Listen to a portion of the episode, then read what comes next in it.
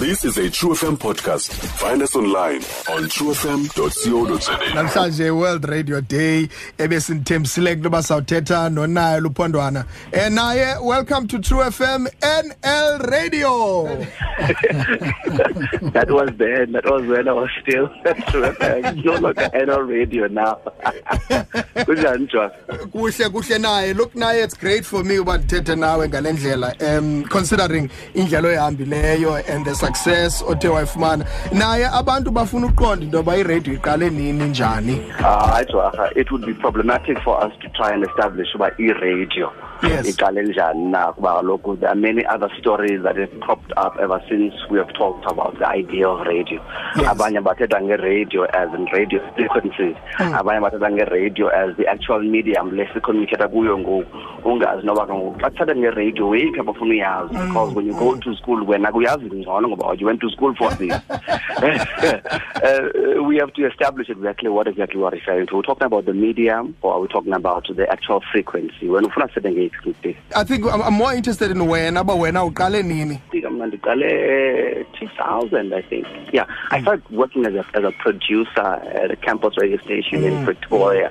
Now it's called Tshwane university of technology. Then it was mm. called Technikon northern gauteng. And so the radio station there for our campus was tmg radio i was producing a faith show there that's when i started radio and then i was invited to come and have an interview with reverend madolo mm. Divanisile Madolo uh, at the time. I think it was 2000 and 2000. And so we came in and had an interview with Madolo. And uh, the rest is history. I started in the, on the 1st of February mm. 2001. Mm. And our group here, Tobeka, we were all here together, Tobeka, Nombilo, and Jalin. Yeah, that, that was when we started professional radio. But before then, the year before, it was just academic stuff, the stuff that we're doing on campus radio. Eh, eh, naye apha e- e-true fm zeziphi shows ozenza and zeziphi memories um into ozikhumbulayo that come to mind xa ucinga ngexesha lakho e-true fm Um, wow. Okay, I think I've done almost all of them. Almost being the operative word. Okay, when I started, I started doing the midnight show. I did uh, 12 to 3, two shows there. I think I did them for about two weeks. And then Ubra Kid, um, I don't know what Ubra does there now, but Ubra Kid then was a programs manager, then moved me to do the Sunday morning show between 9 and 12. I followed that up by proposing that we call it the nest, and we had another idea and another agenda to uh, propagate izimvo zabantu abatsha from a historic perspective. And then from there, I did four or five shows, including the Sunday show, which consistently has always been the show that I did for, oh, what, eight years? And I did that all the time when OOC's The Slice of Aliso had gone, and so I had to stand, stand in for the breakfast show. And then I moved from there. I stood in in the PM, the one that you're doing right now.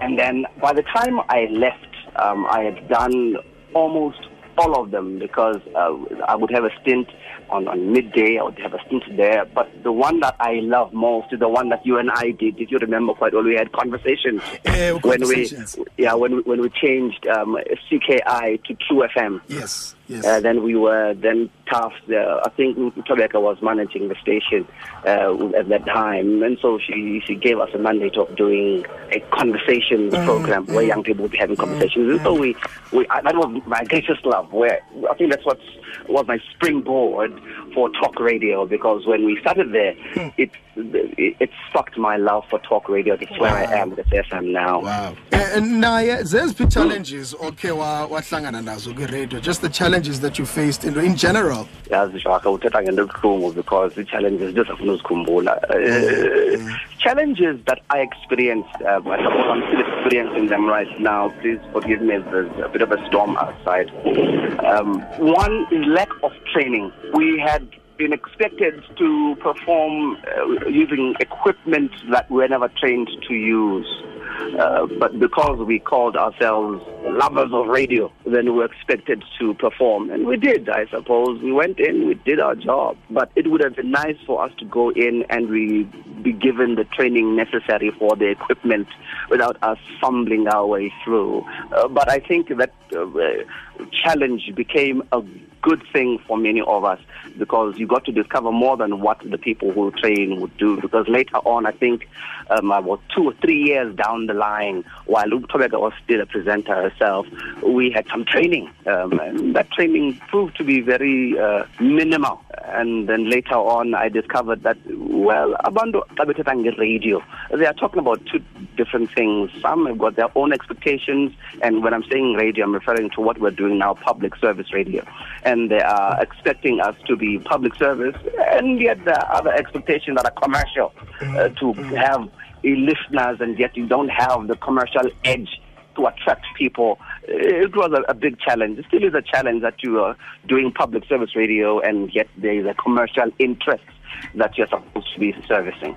Eh, naye abantu bathanda undibuza xa ndibachazela mhlawumbi ndikumamele phaa kwi-s f m. Bathi abantu e uyayenza into yakhe lo mfo ndithi hayi seke ndasebenza na of course abayikholelwa loo nto. Seke ndasebenza babuze bunjani ndithi you uyakufaka enkundleni because wayefuna ukwenza ilaw kaloku lo wayiyeka so are you still doing law? Hayi hayi hayi bhika ayinjalongo nqakasane loo nto. It is not exactly like that. Yeah. um, if you remember after, when, when, I was working there, I was studying law. Mm. And then I had moved on to study journalism. When, when I moved to, to, to Johannesburg, I studied journalism and I did my postgrad in journalism. And I learned and I discovered that in journalism, there had been a long standing interest to get information from mm. whatever source you're getting it from, mm. and then you disseminate it broadly, hence broadcasting. Mm. And unfortunately, many of us journalists, we tend not to extract the information satisfactorily mm. to the point that ngoku umuntu uzawubuza umbuzo uthi nawuphendulanga lo mbuzo udlule.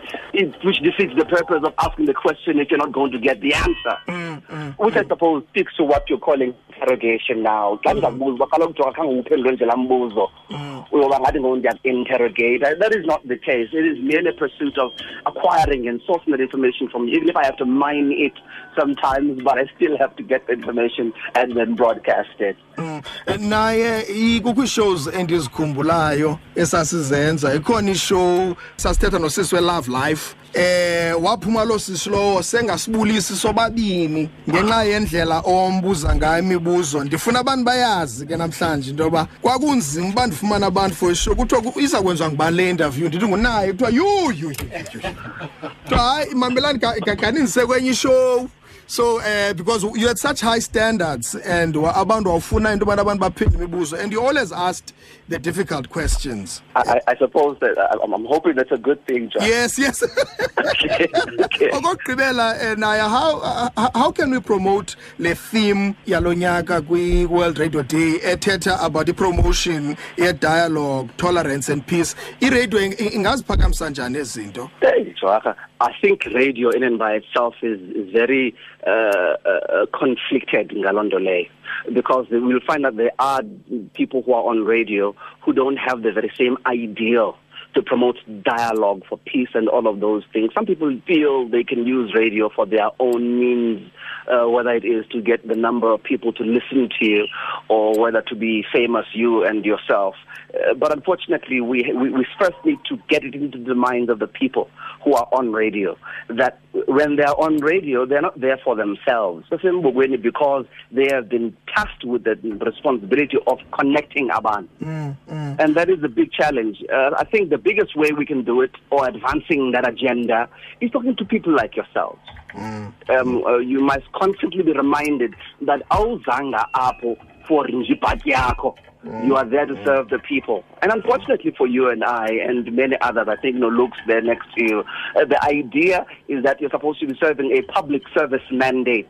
So the people who are doing the job need to know what they're doing. They need to be fully aware and fully appraised of what is expected of them programs can be done. I mean, you can go on radio and have a conversation with a UNESCO person or the Spaniards who proposed the idea of world radio, uh, but you will not be able to serve the purpose if after that conversation you had, ningayi-implimenti loo nto leyo niyincokole what is most important is for us to be able to implement le nto sithetha ngayo. Sithi singabantu abasembokweni siyenze jwarha le nto sithi sifuna uyenza Si- when we speak or when we choose not to speak it should promote peace and so forth Eh naye phambi kuba ndike kuhambe ndiyabuzwa uba unaye masichazele uba uphuma phi kanye kanye kweli cala eh abanye bathi usuke eginsburg i think mna Yeah. mna ndikwazi usuke emthatha mos naye Yes, yes, yes. I was born and bred in Umtata, Josh. We only moved to King Williamstown, the then CIS Sky, in 1993 because um, uh, my mother had anticipated as a comrade that there's going to be a move to Ibisho. Ibisho was going to be the capital of the Eastern Cape. I still don't understand why Ibisho is the capital of the Eastern Cape. That's a topic for another day. So we moved there 1993, 1994. Um, the ANC took over power, and so we stayed in King Williamstown. Mm-hmm. As our comrades were, were, were, were deployed, and Omama, as one of the lowest of the comrades there, was put there in government in the office of the premier. And so I we only moved in 1990, but I was born and bred in Umtata. Mm. naye every time ndikubona ndikhe ndityhile Facebook page yakho and njengestalker ndatyhini you've been traveling you've seen the world you've spoken to abantu abafana noremot satna nabanye abantu neenkokheli zelizwe eh Yeah. i'm very proud of you and i'm sure that the eastern cape can say the same enkosi Oh, kakhulu man, Thank you very much, Mtika, man. Ndiyabulela, Chaka. alright Stream True FM online on truefm.co.za. sikho yonke indawo ngalo lonke ixesha like no one else